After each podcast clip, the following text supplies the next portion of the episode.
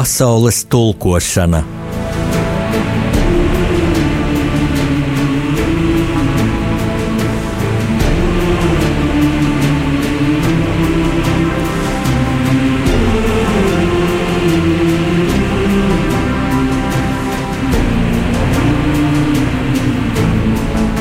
Studijā rakstnieks Jānis Udris.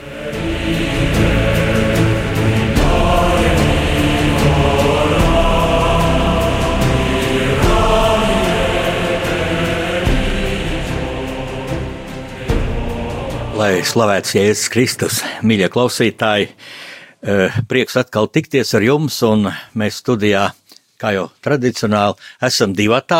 Šoreiz atkal esmu ar, ar kungu, Pirms divām nedēļām tā bija mm, viešana no Amerikas, Ieva Sentivānī, Daina tulkotāja. Tagad kaut kas pavisam, pavisam, pavisam pretējs, proti, militāra persona, eh, ģenerālis eh, Kārls Krēsliņš. Bet varētu teikt arī mans kolēģis rakstniecības jomā, jo Kārlis ir vairāku grāmatu autors. Domāju, par to ar mums iznāks laiks šodien parunāt. Kārlis, veicu tevi mūsu studijā. Kā tu šeit jūties? Tā ir auru kādu jūti. Eh, labdien, ļoti labi jūtos, jo sastāpu gan savus draugus, paziņas, un šī vieta esmu bijis, bet kādu laiku jau atpakaļ ļoti labi jūtos. nu, brīnišķīgi. Nu, es domāju, klausītāji jau būs arī sapratuši, ka militāra personas, augsts militāra personas mm, atrašanās tieši šodien mūsu studijā, nu, nav jau gluži nejaušība. Kaut vienmēr priecājos, Kārl, ar tevi tikties, vienmēr interesanti runāt, tev ir ārkārtīgi neparasta dzīve, un arī tu esi risinājis, joprojām risina ļoti aktuāls Latvijai jautājums, valsts drošības jautājums, um, bet, nu, gribu šodien sākt mūsu sarunu ar vēsturisku atmiņu, jo ir Bermontiādes um, simt gadu atceri. Pirms simts gadiem šīs dienas būtībā bija izšķirīgs Latvijas valsts liktenis karājās, nu, mata galā, tā varētu teikt, ja. Oh, spēka samērs tobrīd bija briesmīgs, ja, jo, jo pārdaugovā bija nu, milzīga la, 50 tūkstoši labi bruņot, kaujā ļoti kaujās ļoti pieredzējis armija, profesionāli karavīri, ja, profesionāli galvenokārt vācieši, arī, arī Krievu, bal, teiksim, balto armijas daļas, ja, viss tāda fikcija, ka Bermonts Vālaus tur, e, tā tad, e, it kā Krievu virsnieks komandē, lai gan ir daudz dat, ka viņš nebijis kaujas virsnieks, bet armijas kapelmeistars, ja, tu varbūt to labāk zini. Lūk, kā tu izjūti šīs dienas, Kārl, kā tev pašam liekas, kāda nozīme tavā dzīve ir bijusi nu, Latvijas vēsturē. Kad tu pirmo reizi tā dzirdēji, kādos apstākļos par Latvijas vēsturi, jo mēs abi piedaram pirmajai pēckara paudzei, ja, kas auga okupācijas apstākļos. Nu, mēs piedzimām, kad Staļins vēl bija dzīvs, kad maz tā nevarēja mūsu vecāki stāstīt mums patiesību, domājot par savu drošību, par mūsu drošību. Tas taisnība, Jānī. Es gribētu šeit atzīmēt, uh, tās divas puses, es gan vairāk jau no šodienas viedokļa skatoties atzīmēt to. Jo pirmā ir, ka Latvijā neliela valsts, nesen nodibināta 18. gadā, uzdrošinājās, un to atzīmē arī ārvalstīs, ka viņi atpazina, ka vispār ir tāda valsts Latvija, kā franču žurnālos un tam līdzīgi rakstīja, uzdrošinājās cīnīties par savu brīvību. Tas ir ļoti, ļoti pozitīvi un daudzu valstu acīs. Un, un, un, un tas, piemēram, tā ir viena sadaļa. Otra sadaļa tā, ka es biju viens no Nacionālās aizsardzības akadēmijas dibinātajiem, un mums ir tradīcija, ka katru gadu mēs atzīmējam to Melnās kafijas vakaru, kad karaskola tika dibināta, bet vēl nesāka strādāt, kad jau kadeti gāja cīņās un bija kritušie. Un Melnās kafijas vakaru mēs atceramies gan tos kritušos, kadeti, kas bija e, rekrutēti, bet nesāka vēl mācīties. Un ko viņi atnāca no tām kaujām, ko viņi ēda melno kafiju, dzēra un, un rudzu maizi ar marmelādi. Un tās tradīcijas saglabājas līdz šai dienai, kad to melno kafijas vakaru. Tās ir tādas simboliskas divas lietas, kad neliela valsts uzdrošinās parāda visai pasaulē, ka pa savu brīvību ir gatava cīnīties. Un tās tradīcijas ir arī turpinājums, kad daži dažreiz iznāk nopietnas sarunas bija, e, kad bija gan Baltijas ceļš, gan Rīga, kad mēs cēlam tika celti it kā pret tādu pārspēku, kā bija PSRS armija, nu labi, PSRS tur sāka sabruka vai pussabrukusi bija, bet nu tie tanki un tam līdzīgi tāds pārspēks, nu ne jau nu tās barikādes varēja kaut ko nopietni izdarīt, bet tas ir tas uzdrošinājums, un tas uzdrošinājamies, ka nāca no tiem laikiem arī mūsdienās. Mēs uzdrošinājamies. Un tas daļējies, domāju, arī atturēja un e, Baltijas valstis, nu trīs Baltijas valstis, mēs kopā 90. gadu sākumā, ka mēs spējam iegūt neatkarību bez lielas asins izliešanas, kā daudzos citos reģionos un citās PSRS arī republikās. Jā, uh, kad tu tā iezīmēji, Nāc prātā daudzi klausītāji, varbūt tā dzird melnās kafijas vakars, nu jauki, mēs tagad arī dzeram kafiju pirms studijas, arī mēs teiktu, nu, dzeram labu pupiņu kafiju. Tā jau bija cigoriņa kafija, rūkta bez cukuru, un kāpēc?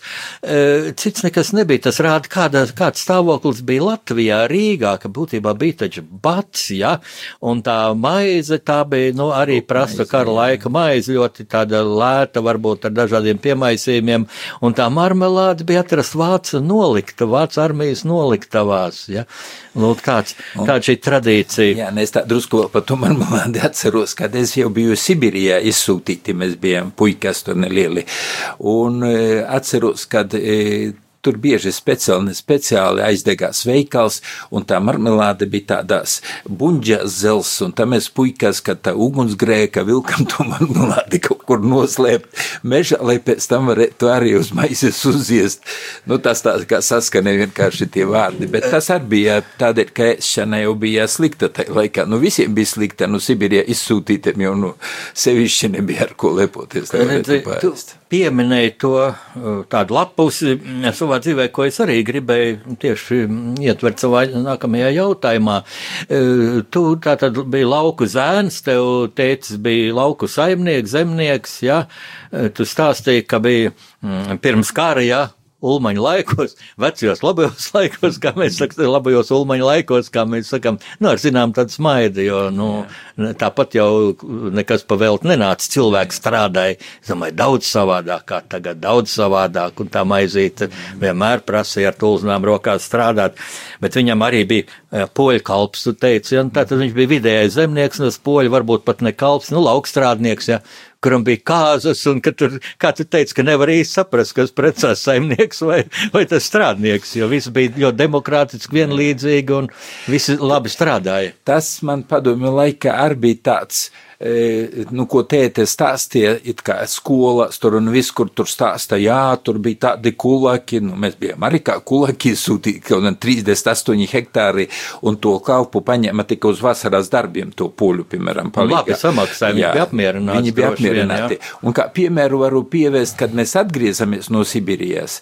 atgriezamies no Sibīrijas kaut kur 58, ne, mēs atgriezamies 57, bet nu 58 atbrauca tas poļu kalps bijušais, viņš bija kolhoza priekšsēdētais Polijā, uzzināja, ka tēvs ir ieradies, viņš atbrauca pie tēva pateikt paldies, ka viņš ir iemācījis lauku darbus, viņš tur Polijā bija kolhoza, kolhoza vadītais. Un tā man kā puiku tas pārsteidza, redziet, kā un visas tās runas tur kalpi, saimnieki, un tā fotografija, tā bija kolosāls arguments, es savā grāmatā esmu to arī ielicis, e, par to, kad, kad sēž ļoti solīdi visi, un uh, viņš poļu kalps precās, viņa kāzas, tēte un māte blakus tur sēž. Nu, pēc tā apģērba, nu, nevar nekādi atšķirt, kurš ir kalps un kurš ir saimnieks. Un tur vairāki cilvēki, laikam, kaimiņi un viss kā stāvē. Bet tas tas arguments man vienmēr, ka tēte man iedeva to fotografiju. Es ar grāmatā, nu, tas diskusijām ļoti labs arguments bija, kā tā Latvijā bija, nu, tā bija, nebija jau tā, ka tur, kā, kā rakstīja dažās grāmatās grāmatās nu, padomju laikā.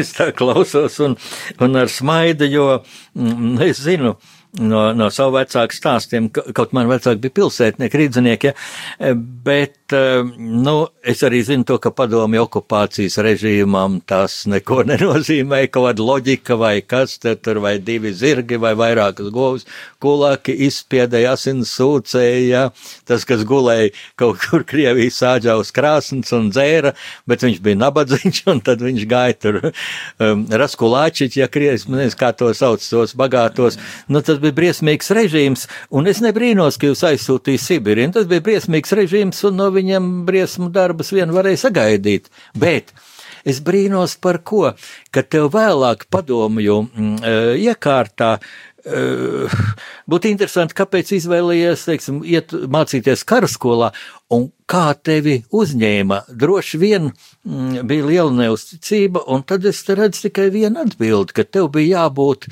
nu, ne tikai labākajam, bet es nezinu, trīs pakāpes labākam par otro vietu, lai būtu spiesti tevi uzņemt.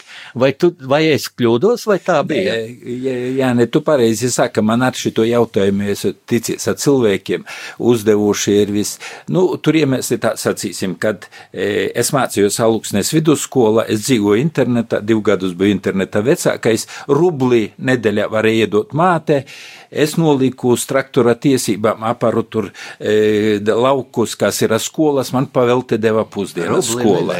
Rubli nedēļā. Nu, pusdienas tā, pa brīvu bija, ja? Pusdienas pa brīvu bija.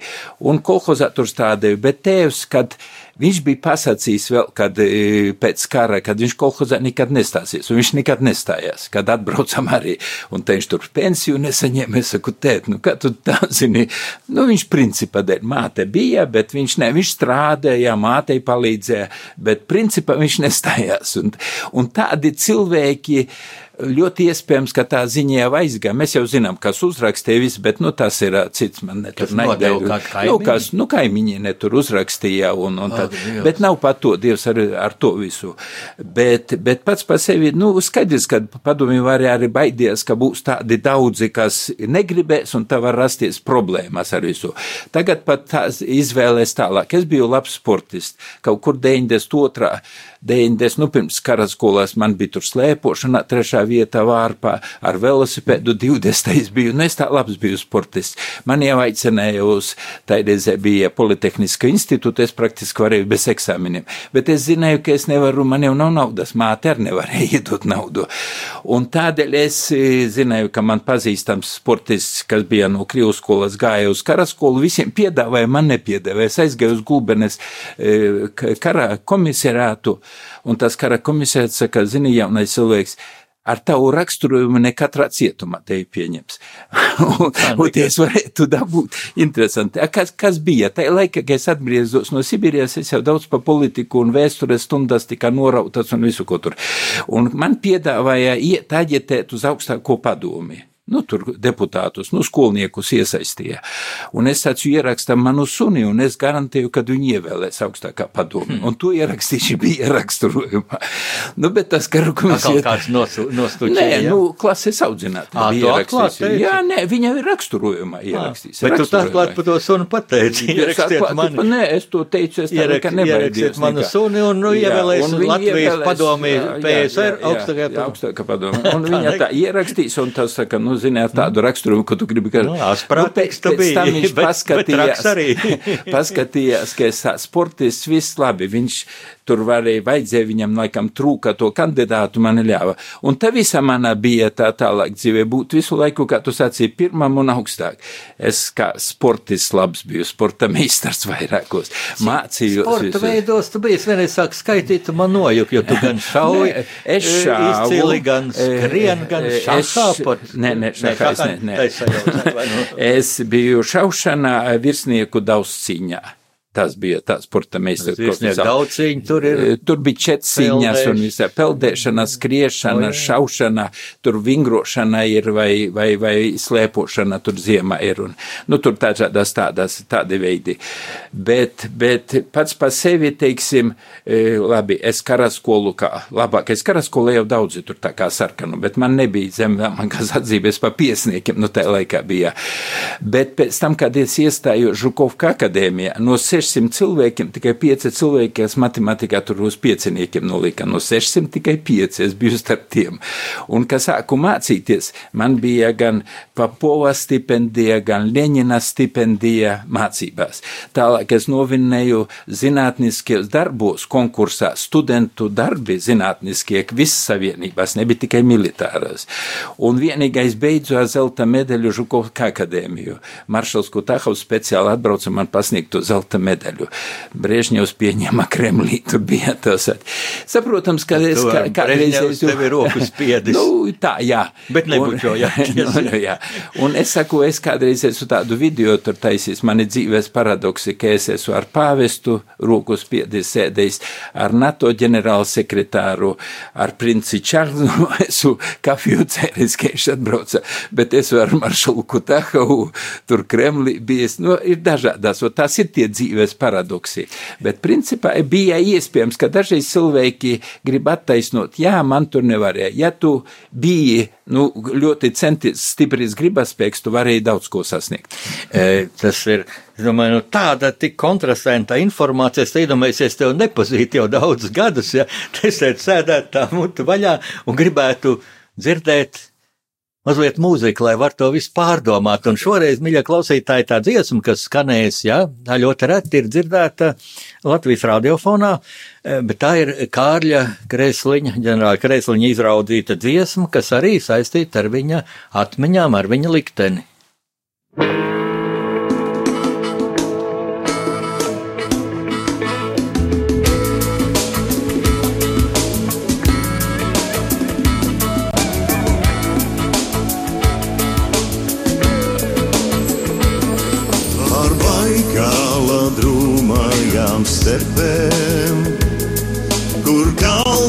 vēl zeltu var rast.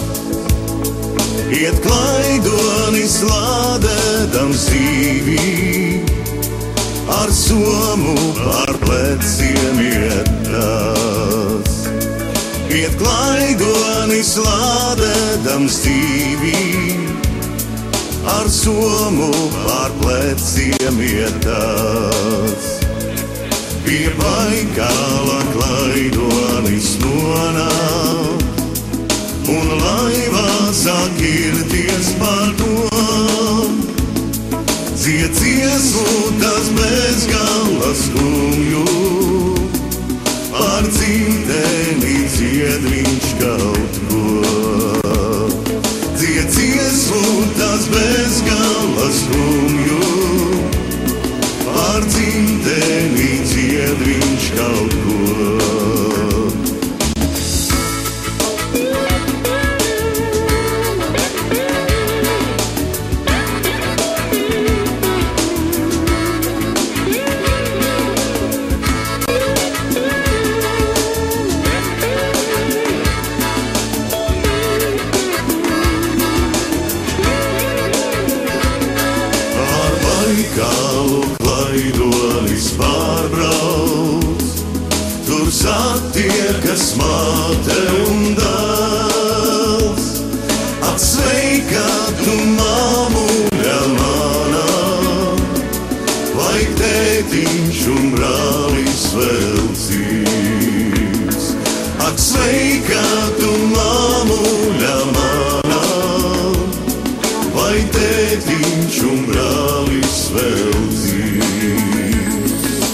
tētiņš tavs kapā jau guldīts zem zemes, kur nesaredzāts.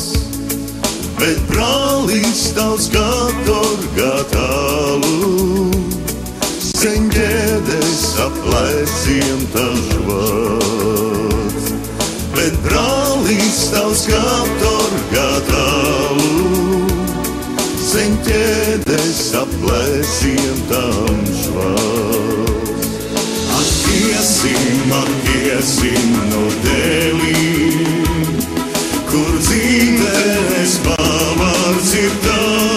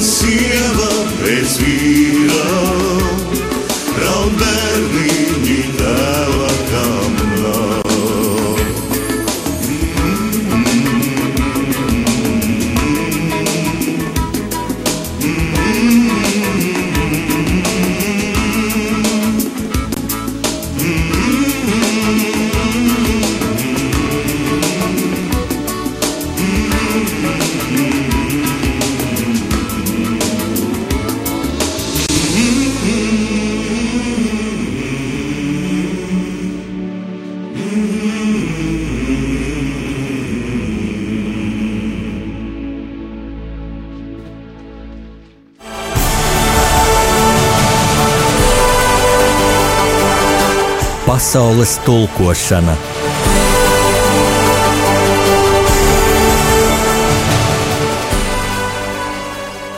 Rakstnieku pārunu stundas pasaules tulkošana viesi šoreiz ir ģenerālis Kārls Krēsliņš un dziesma Mm, tad ļoti veseliski, skumja dziesma. Ja.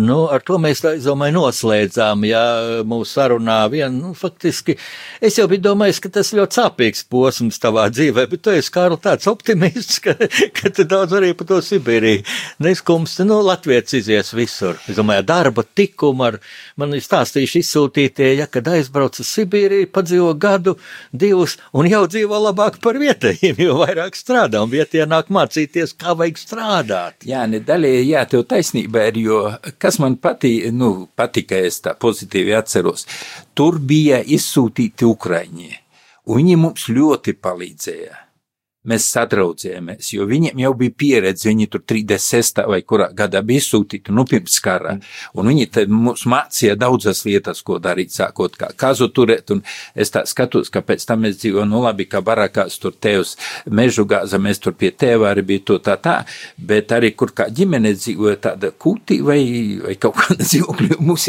tur arī kaza atradās iekšā virtuvē, nu, tāda bija kaut kāda tāda saudabīga dzīve, cik atceros, bet mums bija bērniem, nu, problēma bija tur paēst, bet lielākā problēma jau skaidrs, kad vecākiem, kad, piemēram, man es biju tur četri gadi, kad izsūtīja māsiņa, bija vienu gadu un vēl divas māsas, nu, vecākās, tēvam un mātei to izdzīvot, tiem bija problēma. Un mežā gāja boja un tam līdzīgi. Bet, nu, bērni jau tā, nu, bērni, bērni galvenais, lai kaut ko dabūtu paēst un tās e, problēmas. Karl, es saprotu tā, ka tas iedeva tādu arī tādu garīgo izturīgumu, ja kas laikam tev palīdzēja tajā Līdz pat Žukovska kara akadēmijai, kas, cik es zinu, ja neraugoties tā, ka tā bija padomi sistēmā, ja, bet kas arī visā pasaulē ļoti augstu kotējās tieši par tām militāros speci specialitāšu jomā. Protams, atmetīsim laikam tur marksismu, ļeņinismu, visas tās demagoģijas, ja, bet, bet eh, tu, ne. tu esi radiosakaru inženieris aviācijā, jā, ja, jā. un tur jau, un es domāju, nu milzīgi daudz es, bija jāzina, un ka tas ļoti augstu kotējās pasaulē es pareizi. Es pilnīgi piekrītu, jo, redziet, arī kā cilvēkam sanākies tā, man tur ir arī bērni, mazbērni un tam līdzīgi, saprotams, ka izējot kaut kādu tādu arī dzīves skolu, nu, sacīsim, internetā. Internetā tu esi vecākais augstnē, mēs tur dzīvojam. Tas arī kaut kāda atbildība. Es jau kaut kāds komandieris, tā prasta arī internetā visu. Kad es atnācu no Sibīrijas, es biju ļoti liels palaidnieks un tam līdzīgi, bet, nu, tad pakāpeniski sports pieveda pie disciplīnas. Aizgāju uz karaskolu, tur no sākuma lika par komandieriem, seržantiem, tie, kas jau bija dienējuši un nāca uz karaskolu. Mēnesi viss izkrita. Lieka no Sorava skolas, kas ir beidzies, nu it kā ir speciāli. Mēnesi pagāja, izkrita. Un es sāku, es esmu trīs gadus biju komandieris. Man deva pat tādus, manā nodaļā, tie, kuri nevarēja tikt, gribēja izslēgt no armijas vai no karaskolas, piemēram, Gunārs Kurstenis. Bija man draugs, nu, latvietis, un rotas komandieris saka, nu, paņem tu to, ar to nevar lāgā tur tikt galā. Es atradu to valodu savā nodaļā, un es biju seržants, un tā visus gadus biju. Tas arī māca būt komandierim, prast vadīt, un tas jau pakāpeniski ir ļoti būtiski. Arī pēc tam dienēju Ziemeļflotes aviācijā vai Žukovka akadēmija, biju tur pasniedzējis, vai atnācu šeit, dibinējām akadēmiju, vai biju štāba priekšnieks. Visur vajadzīgs arī kaut kādi cilvēki, prasta cilvēkiem rast kopēju valodu, lai sasniegtu noteiktus mērķus. Es zinu tādu faktu, tu pats man stāstīji, tas nav nekāds noslēpums, tev acīm redzot, ka tad, kad Latvijā ritējāt moda, ja, tu jau biji pulkveža pakāpēja, un ka tā bija tāda strauja, spoža militārā karjera bijusi šajā armijas, nu, teorētiskajā jomā, un tev laikam piedāvāja tajā paša Žukovas kara akadēmijā palikt par mācību spēku augstā amatā un dažādas uh, dažādas nu, labumus. Viens laikam, vai pareizi jau piedāvāja to ģenerāļu pakāpi, ja toreizējās vēl PSRS yeah. bruņotos spēkos, yeah. un, un, un, un mašīnu lepnāko kāda toreiz bija Krieviem Volga melnā, ja, nu, un tā.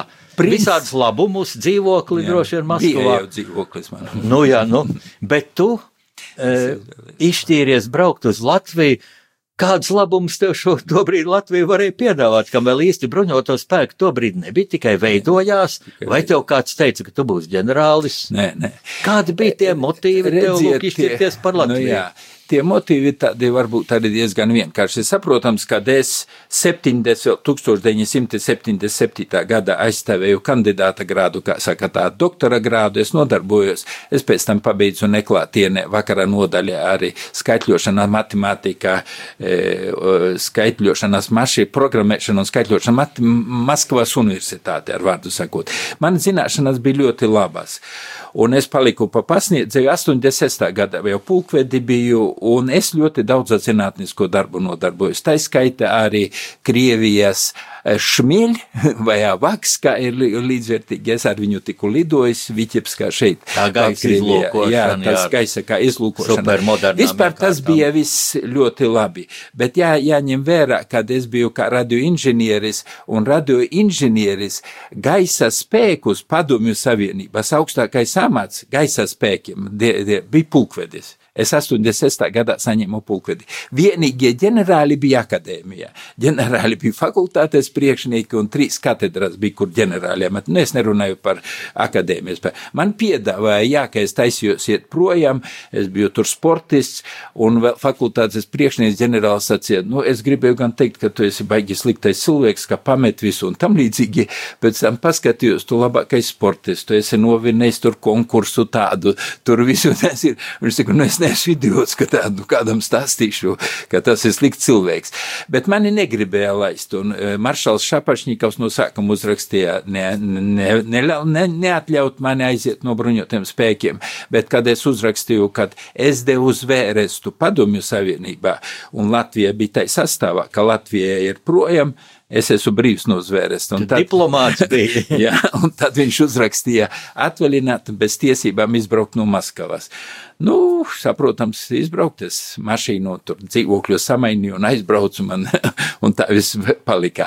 Bet, kur mēs sākam par Latviju runāt, mēs tikamies vēstniecībā. Valdis Matīs, lai viņam viegli smilties. Dainis Turlais, 91. gada eh, Ziemassvētkus tur atzīmēm. Jā, bija pulkvežā. Jā, un tad mēs runājam par to, kā tā veidot bruņotos spēkus. Nu, saprotam, šeit jau bija zemesardzes, jau nesaku, ka šeit jau viss jau notika arī, tā, bet mēs tā kā Matīs strādāja Frunzes akadēmijā, es strādāju akadēmijā, nu biju profesors tajā akadēmijā, mēs tā sapratam, ja kaut ko veidot, jāgatavo ir virsnieki, un visu to var tikai akadēmija. Un tad mēs runājam par to, ka jāveido Nacionāla aizsardzības akadēmija, un tā bija tā noruna. Viņi pirmie atbrauca, es 92. gadā atbraucu, mainīju to savu dzīvokli, samainīju pret, pret Rīgas. Viens ebrejs bija ar mašīnu, atvedu man tas uz šeit, viņš savas man tas uz turieni. Nu tā es pārnācu uz Latviju, bet tas bija pats principā. Es saprotams, ka um, mēs ar tēvu agrāk tikam runājuši, visu, nu saprotams, ka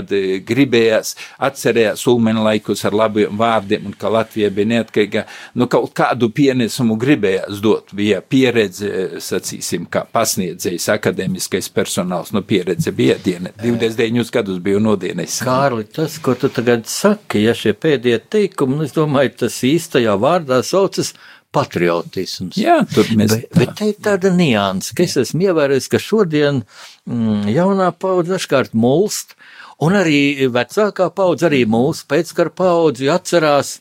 Ja mēs atceramies padomu okupācijas laiku, visās malās tika nu, skandināts padomju patriotisms. Divi vārdi - padomju patriotisms. Ja? Un neviens to neņēma nopietni, jo kurš tad cienīja padomju savienību ja? pēdējos šajos gados. Ja? Nu, būtībā visā manas dzīves laikā. Nu, Mūsu arī tevi, es domāju, nu vai tie, ko, ko Sibīrija sūtīja cienīt padomu senību, baidījās, jā, nu kā nebaidīsies no Staļina režīma vai no, es nezinu, Hruščova laikā no šī, šīm muļķībām, ja kā inteliģents vajāja un tā, it kā kaut kā demokrātija parādās, kad izlaiž mājās no Sibīrijas, bet atkal citus kā dzēnieks, kā knuts kujenieks sūt uz Sibīriju, ja. Baidījās, cieņa tā nebija. Nu, tad jau tā padomu savienības domāju, sāka brukt gan ekonomiski, ja, ka viss bija līdz kliņķim, vēl Afganistānas karš un viss, gan, e, gan arī, kad Gorbačovs iedomājās, ka ir iespējama demokrātija šajā totalitārajā valstī. Es domāju, tas bija patriotisms, bet kā tu šo vārdu, e, teiksim, nu, izjūti. Varbūt, ka mēs varētu, nu, jauniešiem stāstīt nevis patriotisms, nevis šo vārdu lietot, teiksim, tēvzemes mīlestība, dzimtenes mīlestība, pienākums pret savu dzimteni, pret savu valsti. Tas es, taču ir tas, jā. Jā, es piekrītu tā, ka tas nebija.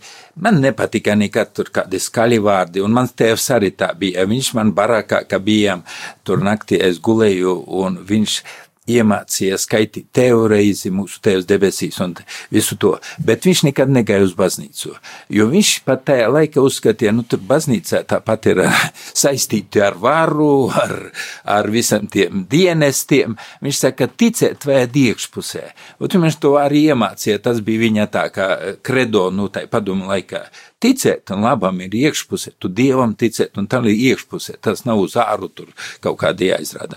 Nu, varbūt viņam tur nebija taisnība uz baznīcu visādi, jo mācītāji, saprotams, ne jau visi bija tur saistīti ar, ar, ar visādiem ar, drošības dienestiem un visu tādu. Nu, bet, bet, nu, te, bet spaidīti, mīcīti, novērot, tas jā. Tika, jā. Bet, eh, kad es aizgāju uz karaskolu, es tā sapratu, es vidusskola atļāvos tur visādi kritizēt un kaut ko teikt. Aizgāju uz karaskolu, es sapratu, ja es gribu kaut kaut ko darīt, tad man pa politiku ir jāklusē. Un es no tā laika es nodarbojos, jā, es sacīsim, ar savu darbu, tur tehnika, lidojam un tam līdzīgi, bez politiku nerunē. Un vienreiz 70. gadā bija sākās mācības Akijan, vajadzēja lidot uz Kubu, un pulka komandieris ļoti labs cilvēks. Viņš gan e, gāja bojā pēc tam, kad es jau aizgāju uz akadēmiju. Viņš saka, Kārlie, gribi tikt uz akadēmiju, tu mācībā, no mācībām tā netiksi 70. gads. Viņš saka, viņš iedeva man atvaļinājumu, tas bija viens vai pirmais atvaļinājums, ka es uz atpūtas namu uz dienvidiem pie Melnās jūras. Un tieši Ļeņinam bija simts gade un virsnieku kaut kādā tādā, es tā kā tā kā loģiski sāku spriest, es saku, nu, Ļeņins jau tā kā nebija teorētiķis, viņš visu laiku uz Marksu Engels, viņš bija praktiķis, tad kā man bruka virsū. Es pēc tam sapratu, pat es nekā tāda nepateicu. Es vienkārši tā kā loģiski saku. Es saku, nu viņi viņš, viņš visu laiku atsaucās uz Marksu, Engelsu, viņš praktiķis revolūciju tur taisīja Krievijā. Bet ar, te es sapratu, ka labāk ar politiskiem jautājumiem vispār. Viņš izstāsts piemērs, ka tā sistēma visu balstījās uz demagoģiju, ja? Jā. Un tikko tu tos demagoģijas principus pārkam, demagoģija, demagoģija, un ja tu kaut kādu loģiku gribi ielikt iekšā, tad tie demagogi vienkārši jūtas ienaidnieks. Oi, tas bija riskanti. nu, tai laikā vairs nebija tie Staļina laiki, kad tur Nošaut nevarēja, bet jā, karjeru bet, nu, varēja. Karjeru varēja. Nē, nu, jā. tie virsnieki bija tādi, kad viņi dzēram vīnu kopā un atpūtās nam, viņi tā uzbruka, uzbruka, bet, nu, es saprotu, nu, droši vien, kā arī tur kaut kas jau, kā saka, tā nostučīja vai noziņoja, bija jau tie, kad man ar tiem, e, tiem drošības dienestiem bija sliktas visās tās labās attiecībās arī, ka garnizonā biju, bet atkal, redziet, visu laiku nosaka darbs. Un sacīsim, mēs apgūvam jauno tehniku, tai laikā, tai laikā, tā bija super jauna tehnika, kad varēja lokātoru redzēt visu, kas notiek 400 km radiusā, un visu nodot ciparos, ciparos uz zemūdenes. Tā ir laikā 65. 66. gads, kad ciparos informācija. Tādā šifrētā veidā zemūdens varēja redzēt parādās. to pašu bildi, ko redzēja augšā, sacīsim, Aha. uz lokātoru, to patu redzēja zemūdenē. Un teoretiski viņiem varēja līdz 800 km raķeti laist par pretinieka, sacīsim, kuģi. Bet tā bija super mūsdienīga, jo visās integrālas schēmas tās bija tāda kā grāmatiņa, sa blok, tādiem blociņiem sastāvā sastādīta. Tā bija ļoti, un mācīties to un apgūt to, kas spēja eksploatēt, un tam līdzīgi bija tikai nedaudz cilvēki. Kaut ko zināja kāds viens otrs, un starp tiem mēs bijām latvieši. Četri latvieši, viens gāja bojā, un Gunārs palika tur, Arnolds Krauklis atgriezās ātrāk Latvijā 72. gadā, nu es atnācu jau 92. gadā. Redziet, tur atkal bija svarīgi, ja ka tu apguvi to, un ka nāca komandas sagaidīt e, no, no kosmosa, kosmosā un mūsu lidmašīna lidoja tur sagaidīt. Komanda nāca no Maskavas, tad viņiem vajadzēja cilvēkus, kas pārzina to tehniku, ka varētu lidot un uh, komandējumu un tam līdzīgi. Tad tev bija nebija svarīgi, ka mēs dažreiz uzvedamies ne, ļoti labi, bet, nu, ka tu esi speciālists, tu esi vajadzīgs. Un tā ir tā viena sistēma, kad, ja smadzenes ir visam varam vajadzīgi. Un kādreiz, kā padomju laikā, tur es nes, nesalīdzinu ar Karaļovu vai kur, bet tas jau arī bija kā cietumnieks, kas strādāja. Un tādu bija zinātnieku ar ļoti jā, daudz. Jā. Un man nebija pirmās pielaides, un interesanti, es strādāju pie superslepenī projekti, bet pirmās pielaides nebija.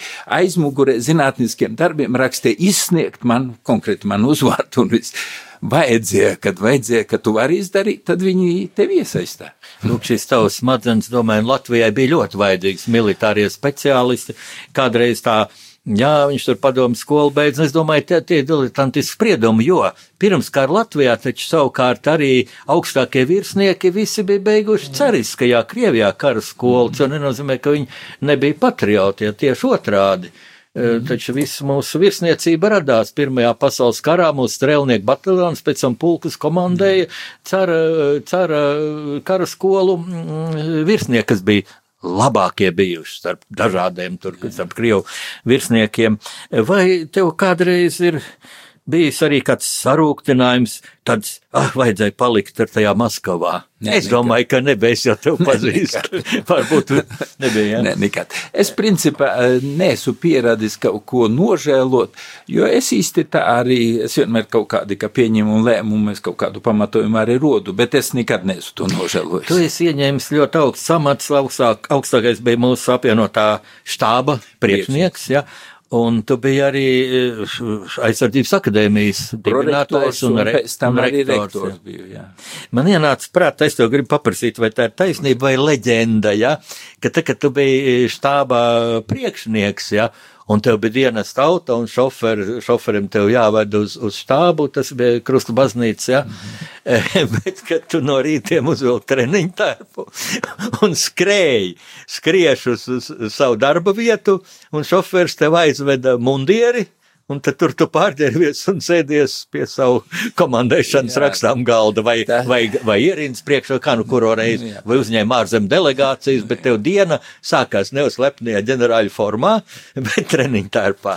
Taisnība? Tas ir taisnība, jo es tur darīju tā, kad es no rīta skrēju uz peldbaseinu septiņos. À, tas ir pie krusta baznīcas. Jā, tā, tas peldbaseins, jā.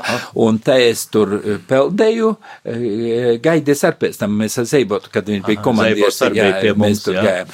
Un tad Studijā. mēs tur peldējām, un tad man atbrauca vadītājs ar mašīnu, atveda uniformu, un es vilku uniformu, un tad mēs braucam uz darbu. Man jau e, drusku bija žēl reizēm vadītāju, jo es, kad sāku strādāt kā štaba priekšnieks, es praktiski agrāk pa pusnakti mājās nekad nebraucu, jo es centos, man bija viens princips, to vēlāk visi zināja, es kamē neviens papīrs, un tur bija dažreiz 600 lapas puses, visādu pa, pavēļu un visādu papīru, nekad es neatstāju uz otru dienu. Tas nenozīmē, ka es izpildīju, es vienkārši nosūtīju izpildēju uz dažādiem departamentiem, jo es sastāpos, kad atnācu tajā amatā, ka dažreiz komandieriem, nu tādiem priekšniekiem, kā es biju, arī biju komandiera, ka ir palikuši viens mēnesis, divi tur papīri stāv un tad uzraksta izpildi, kad jau bija vakar vajadzēja izpildīt un tad departamentā nevar vairs paspēt izpildīt. Nu tā nav kārtība priekšmilitārās. Un es sastāpos, ka cilvēki cieta, piemēram, gaisa spēku komandieris Ojārs Ivanovs Terizē bija, kad viņš nevarēja sagaidīt no priekšniekiem augstāk stāvošā štābā, ka viņš pats parakstīja pavēli, tad viņam pārmet tad tev nebija tiesību. Nu, es vienkārši visi mani padotību, kuram var paprasīt, ka es sāku strādāt. Pēc pāris mēnešiem man viens papīrs nepalika uz rītdienu. Es katru sēdēju tik ilgi, cik vajadzēja. Jā, mīļie klausītāji, eh, tagad, ja es jūs aicinātu uzminiet kādu otro dziesmu mūsu rakstnieku pārunas stundas vietas, Kārls Kreisliņš ģenerālis ir izvēlies. Nu, droši vien arī, es domāju, līdzīgi kā bija šī par, par Sibīriju skumjā dziesma. Nu, vai tā ir paklausīsimies?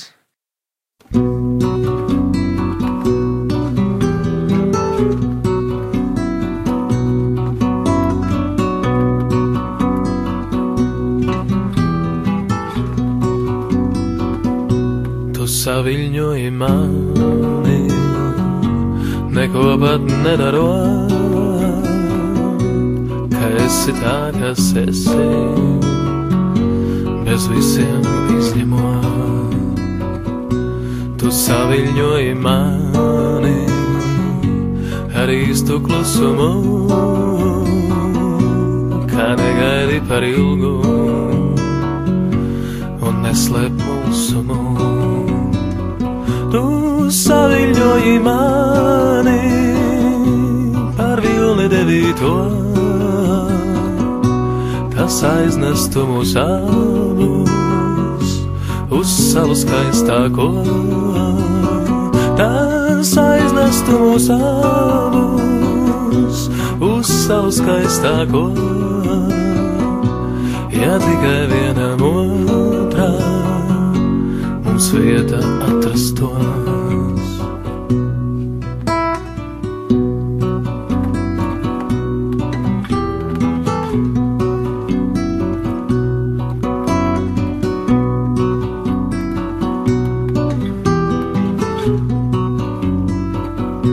Tu saviļņoji mani, pa durvīm ienākot,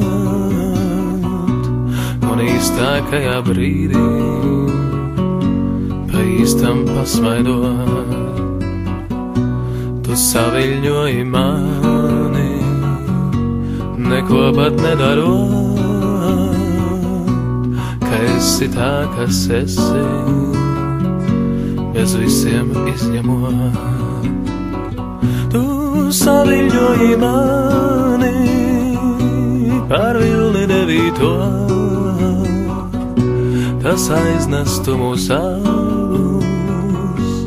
uz salu skaistāko.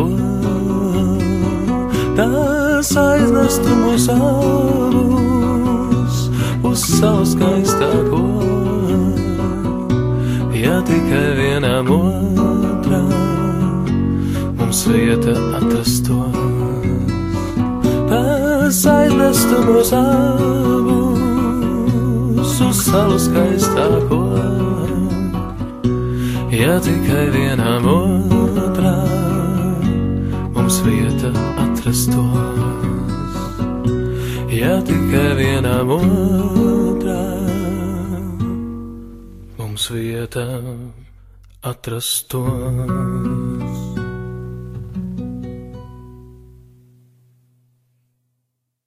Mēs abi ar ģenerāli Kreisliņu klausījāmies šo dziesmu. Šoreiz ne vārdu nepārmījām, kamēr mikrofons bija izslēgts, jo, laikam, katram bija ko atcerēties. Brīnišķīga dziesma. Tad rakstnieku pārunas stundas viesis. Šodien ir ģenerālis Kārls Kreisliņš. Un uh, rakstnieku pārunas stunda, nu, tuvojas beigām. Uh, vēl to gribētos, to gribētos klausītāji. Kārli noteikti, tā kā man pārmest, ja es, nu, nepajautātu par saimu. Pie tam neminot, no kādas partijas tu biji ievēlēts, jo nu, tas ir mums tāds princips, mēs nepiedalāmies šajā, teiksim, partiju cīņās, bet mm, varbūt kāda bija, nu, tava morālā motivācija iestātie, piekrist, ja kandidēt. Es zinu, ka katra partija gribētu slavenu ģenerāli savā sarakstā, un tas loģiski, bet es tūdaļ gribu arī savu viedokli pateikt, ka tu, nu, kā politiķa profesija, diemžēl, diemžēl, nu, nekotējas augstu, un vēl trīskārtīgi, diemžēl, ka tas, diemžēl, bieži ir pamatot, ja bieži ir zema morāla bijusi, ka pastamies visus šos gadus kopš neatkarības atjaunošanas, ja kad ļoti, ļoti daudz cilvēku nietaisno šo tautas uzticību, cilvēki ievēlē, pēc tam vīluši, iesaka, es vispār neiešu balsot. Un ko es gribu teikt? Es nevērtēšu, vai tu biji labs politiķis vai slikts, ja gribi, tu pats vari pateikt, bet Mm, viena pozitīva lieta gribu atzīmēt, ka tu ar savu droši vien ar savu virsnieku konkrētību, vai kā tu vienmēr saki, arī sportists, sports tev iedzina, tāda disciplīna, viss tāda. Tu kaut kā radīji tādu, nu, stabilitātes auru ap sevi. Es atceros, ka bija diskusijas saimā, lūk, nu, mēs kandidējām uz NATO, un NATO prasa 2% no, no iekšzemes koprodukta, tad militāram vajadzībām. Un ilgus gadus mēs tā kā stīvējamies, nu viena lieta, ja nevar to izpildīt, ja, bet bija jau it kā likts uz balsošanu, ka vispār mēs atsakāmies no tā, un tad, nu gan laikam būtu ļoti apdraudēta mūsu iestāšanās NATO, kas vi, vitāli svarīgi Latvijas drošībai, tas būtu signāls rietumiem, ka latvieši nemaz tā īsti negrib, ja.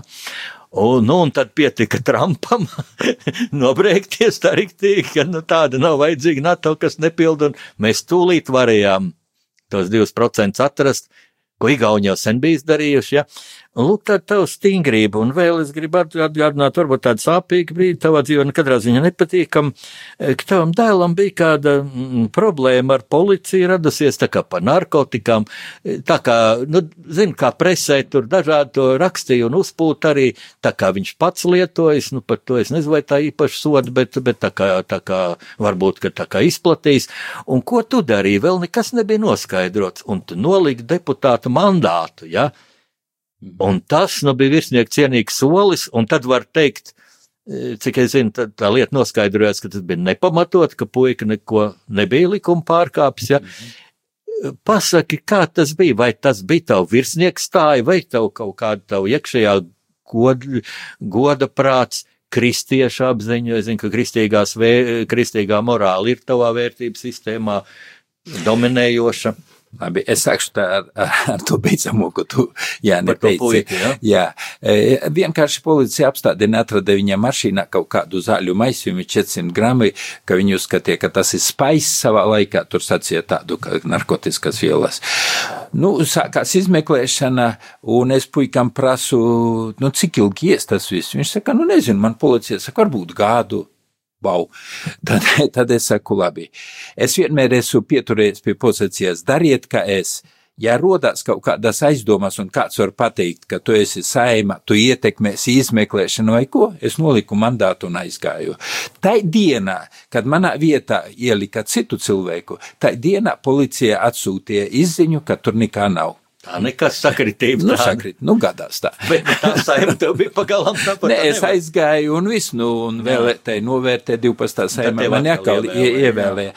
Bet dažreiz man tā rodās tā jautājums, kad es pārāk kasi uzstājos, ka dažreiz ka tas negatīvi arī uz bērni var man tā ir drusku apziņa, vainas apziņa, kad vai bērni necieš dažreiz manis dēļ. Tādēļ, ka pie manis pieķerties nav, man nav tur naudas, mantas, bagātības, kaut kādas tādas lietas, mm. bet, nu, bērni man ir, mani četri bērni, seši mazbērni, saprotams, ka var ietekmēt uz viņiem tur kaut kādi darba. Nu, pieņemsim, ka tā ir sakritība, varbūt tā izlikās, Jā, bet, nu labi. Tev ir vi virsnieka, kas saka, nu, stāvi. gribēju parādīt visu, man, man gods. jau daži tur prasīja, kādēļ tu aiziet, tas te tur tad neskarojas, bet ok, es saku, es gribu tā, ka jābūt ir tā morālā puse, ja tur ir aizdomas, ka tu vari ietekmēt, nu es nekā nebiju ietekmējis, protams, tur netiesas nekas vēl nebija. Ja runā vispārīgi par kādēļ es tur atnācu un tam līdzīgi, es kādreiz esmu pa jokam rakstījis un te teicis, ka es esmu ģenerālis aizsardzības jautājumos vai fiziskā drošības jautājumos, es esmu pulkvedis izglītības jautājumos, habilitētais inženierzinātņu doktors un profesors, es esmu jaunākais virsnieks sporta un tam līdzīgi jautājumos, jo esmu sporta meistars un šaušanas federācijas prezidents, bet politikā es esmu, nu, varbūt tāds seržanta līmenī, kaut ko, jo tur galīgi nebija, bet kādēļ es atnācu?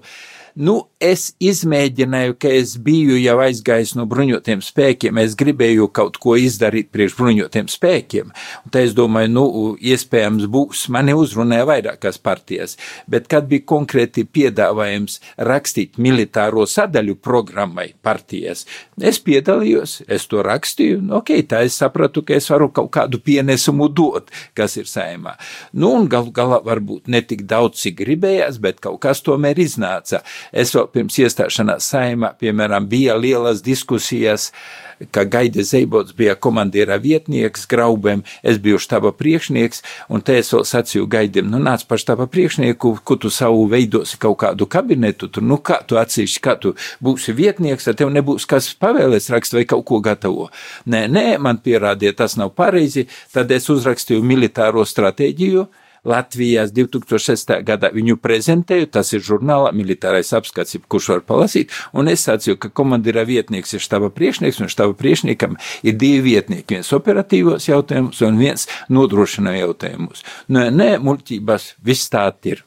Daudzas lietas, ko es rakstu, tāpat kā tu raksti, bet es rakstīju arī žurnālā militārais apskats, es biju tās starptautiskās redkolēģijas vadītājs, priekšsēdētājs. Kaut kas izpildās. Man izdevās arī, sacīsim, ka saima ir pa pensijām. Nu, cilvēki, piemēram, liepainieks viens bija, kas 15 gadus bija nodienējis, viņam vecuma pensija tos neieskaitā. Nu, tā kā nav atteicies no Krievijas pensijas, bet viņš saka, man nebija no kā atteikties, es jau viņu nesaņēmu. Man izdevās sakārtot, vai vēl tīri arī birokrātie, ka meitene, kas bija dienējusi e, virsdienestā, e, viņai tiesa pirmā pasacīja, kā viņa var būt virsdienestā, jo nebija obligāta dienesta. Nu, dažreiz birokrātiski pieiet, nu, visi tā zin, padomu laikā arī sportisti bija virsdienestā, arī meitenes, nu, lai ieskaitītu to laiku vecuma pensijas stāžā. Ne, kaut kādās tā tādas lietas varētu nosaukt, kāds izdevās, bet, nu, saima ir saima, tur ir sava specifika, kaut ko tā būtiski mainīt, nu, mazāk. Bet par tiem diviem procentiem man, jā, ir palicis parātā, kad e, 13. gada, 14. gadā, kad es uzstājos no saimās tribīnes un teicu, nu, pagaidiet, kā mēs darām 0,9% no iekšzemes koprodukta aizsardzībā, nākamā gada 0,8% plānojot, mēs tā pārkā, e, mēs nepildam tas, kas ir mūsu likumos. Un te es arī rakstīju par to, vai nu likumi ir jāpilda vai jāmaina. Es domāju, kāds vēl Terizē uz mani skatījās kā ļoti sliktais zēns, kas runā tādas lietas. Šodien es dzirdu to pašu, ko mediķi saka. Principā ir kaut kādas lietas, kas ir visos laikos jāievēr. Nu, es runāju demokrātiskā valstī, es nerunāju valstīs, kur, kur dara, ko grib, kas tur augšā stāv, bet es runāju de demokrātiskās valstīs. Kārli, e, viens jautājums, bet vai tu varēsi vienā teikumā atbildēt, jo būtībā tā ir, vai nu balts vai melns, ja ir tāda tēze. Šobrīd Latvija mūsu pastāvēšanas simts gadu vēsturē, ja? Mm ja ieskaitot arī okupācijas laiku, Latvijas valsts pastāvējums bija vēstniecības mm, rietumu valstīs un, un, un, un, un rietumu valsts niedzina mūsu okupāciju. Tēze tāda, ka visos šajos gados Latvija šobrīd ir drošāka, militārā ziņā drošāka kā jebkad. Vai piekrīt šai tēzei, vai ne? Pilnīgi piekrītu. Nu? Simtprocentīgi nu? piekrītu, jo nu, ja ir viena minūte, es varu te minūte vēl, pateikt, varbūt. Vēl otru, jā. Ja? Vēl otru mums, jā, jā. mums kolēģis šeit pie aparātiem, kas ir atļauj. Ok, būtība jau ir tāda, ja tagad ir NATO kolektīvā, viedā, jeb gudrā aizsardzībā, tā pret NATO valstīm neviena valsts, ne valstu kopums nevar uzvarēt un uzsākt konvencionālo karu. Nav iespējams, tas ir pašnāvnieki, tā valsts.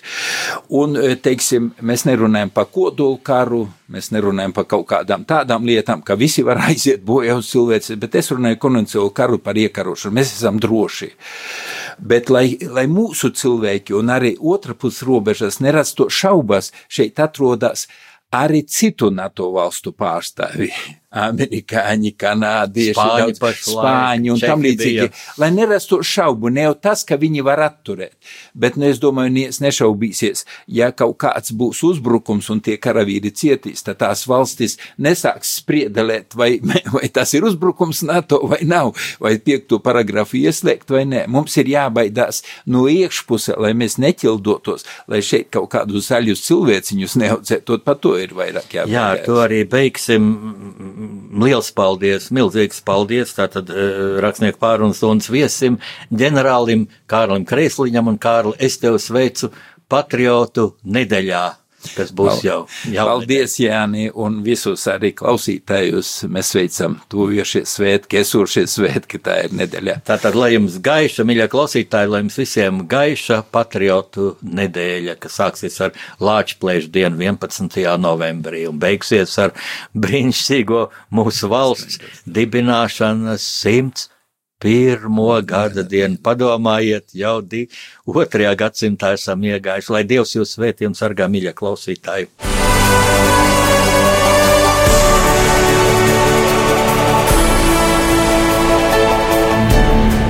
Pasaules tulkošana